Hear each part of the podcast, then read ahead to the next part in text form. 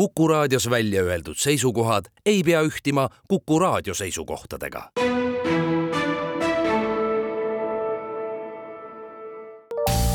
terviseks. saade valmib koostöös Ida-Tallinna Keskhaiglaga.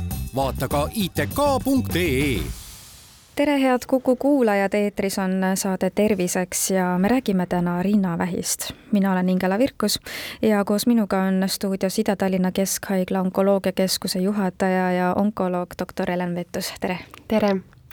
oktoober on alati olnud rinnavähi teadlikkuse kuu. kui teadlikud on tänaseks teie hinnangul eestlased rinnavähist?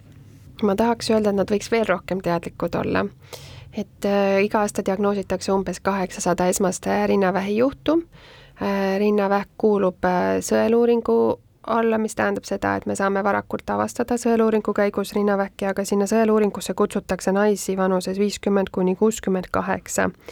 nii ravikindlustatud kui ka ravikindlustamata inimesi, aga paraku veel meie osalusprotsent või hõlmatus selles sõeluuringus osalejatega on see aasta on juba parem kui kõik eelmised aastad, aga ta ei ole veel ligilähedanegi sellele, mida me tahaksime, et me tahaksime, et see hõlmatus ikkagi oleks peaaegu üheksakümmend protsenti.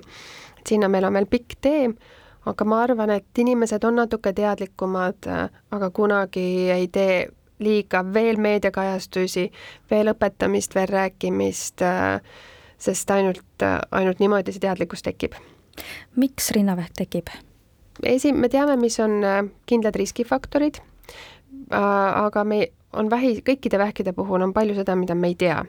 et on halb, ütleme siis halbade juhuste kokkusattumus, et geenides on toimunud, DNA-s on toimunud mutatsioonid, need ei parane ära ja see muutunud rakk siis hakkab piiramatult jagunema ja ta muutubki kasvajaks ehk, või vähiks siis ehk pahaloomuseks kasvajaks rinnavähi puhul on osaliselt öeldud, et äh, riskifaktoriks on, on ju hormonaalne seisund, ehk siis äh, mida kauem on patsiendil äh, menstruatsioon ehk varajane menstruatsiooni algus ja hilisem menopaus, see on riskifaktoriks.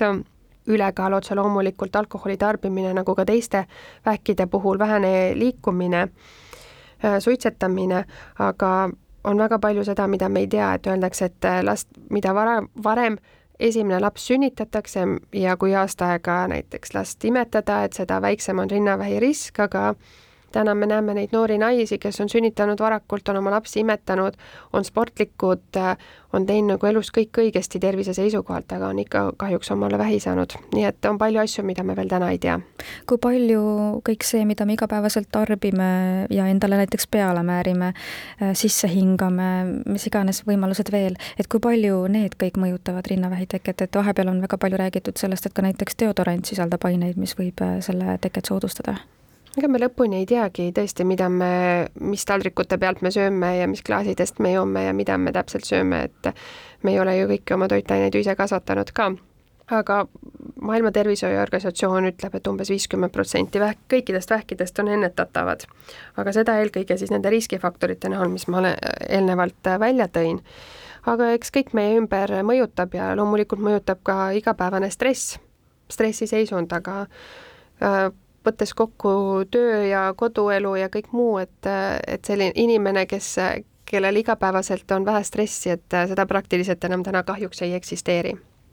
Me mainisime või õigemini teie mainisite algul, et rinnavähi sõeluuringus osalemise protsent on õnneks kasvanud ja tänu sellele õnnestub rinnavähki ka varakult avastada, aga mida täpsemalt selle varakult avastamise all mõeldakse? Äh, selle all mõeldakse seda, et vähk on avastatud sellises staadiumis, kus me saame patsiendi terveks ravida. ja eelkõige just avastatakse selliseid väikeseid koldeid rinnas, äh, mida patsient ise ei tunne. Äh, Need on tõesti, kas nad on alla sentimeetri või nad on sentimeeter ja natuke rohkem ja et et me saame patsienti siis raviga terveks ravida, et see, see on eelkõige sõeluuringute, kõikide sõeluuringute eesmärgiks. Teine kontingent on loomulikult neid patsiente, kes kellel on juba sümptomid, kes tunnevad tükki rinnas ja et, et nemad pöörduksid õigel ajal arsti juurde, et naised ei jääks ootama et midagi läheb üle, kui nad ikka konkreetset tükki tunnevad rinnas, et siis tasuks pöörduda spetsialisti poole.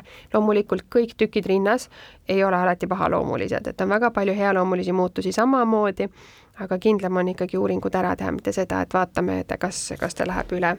ja menstruatsioon vist ju ka võib neid tükke nagu mingil hetkel tekitada, aga need kaovad siis mõne päevaga ära? jaa, et varasemalt anti soovitusi, et, et iga naine võiks oma rindu siis üks kord kuus ise palpeerida ja seda just peale menstruatsiooni, et siis on rind pehmem. nüüd on see Ameerika Äh, vähiorganisatsioonid on võtnud selle soovituse ära, vaid pigem öelnudki, et see igakuine palpatsioon võib, võib rohkem muresid tekitada, et pigem naine peab tundma ja teadma, millised ta rinnad on, et ta võiks neid ikkagi aeg-ajalt äh, katsuda, aga nagu ma ütlesin, neid väikseid koldeid ei pruugi üldse üles leida.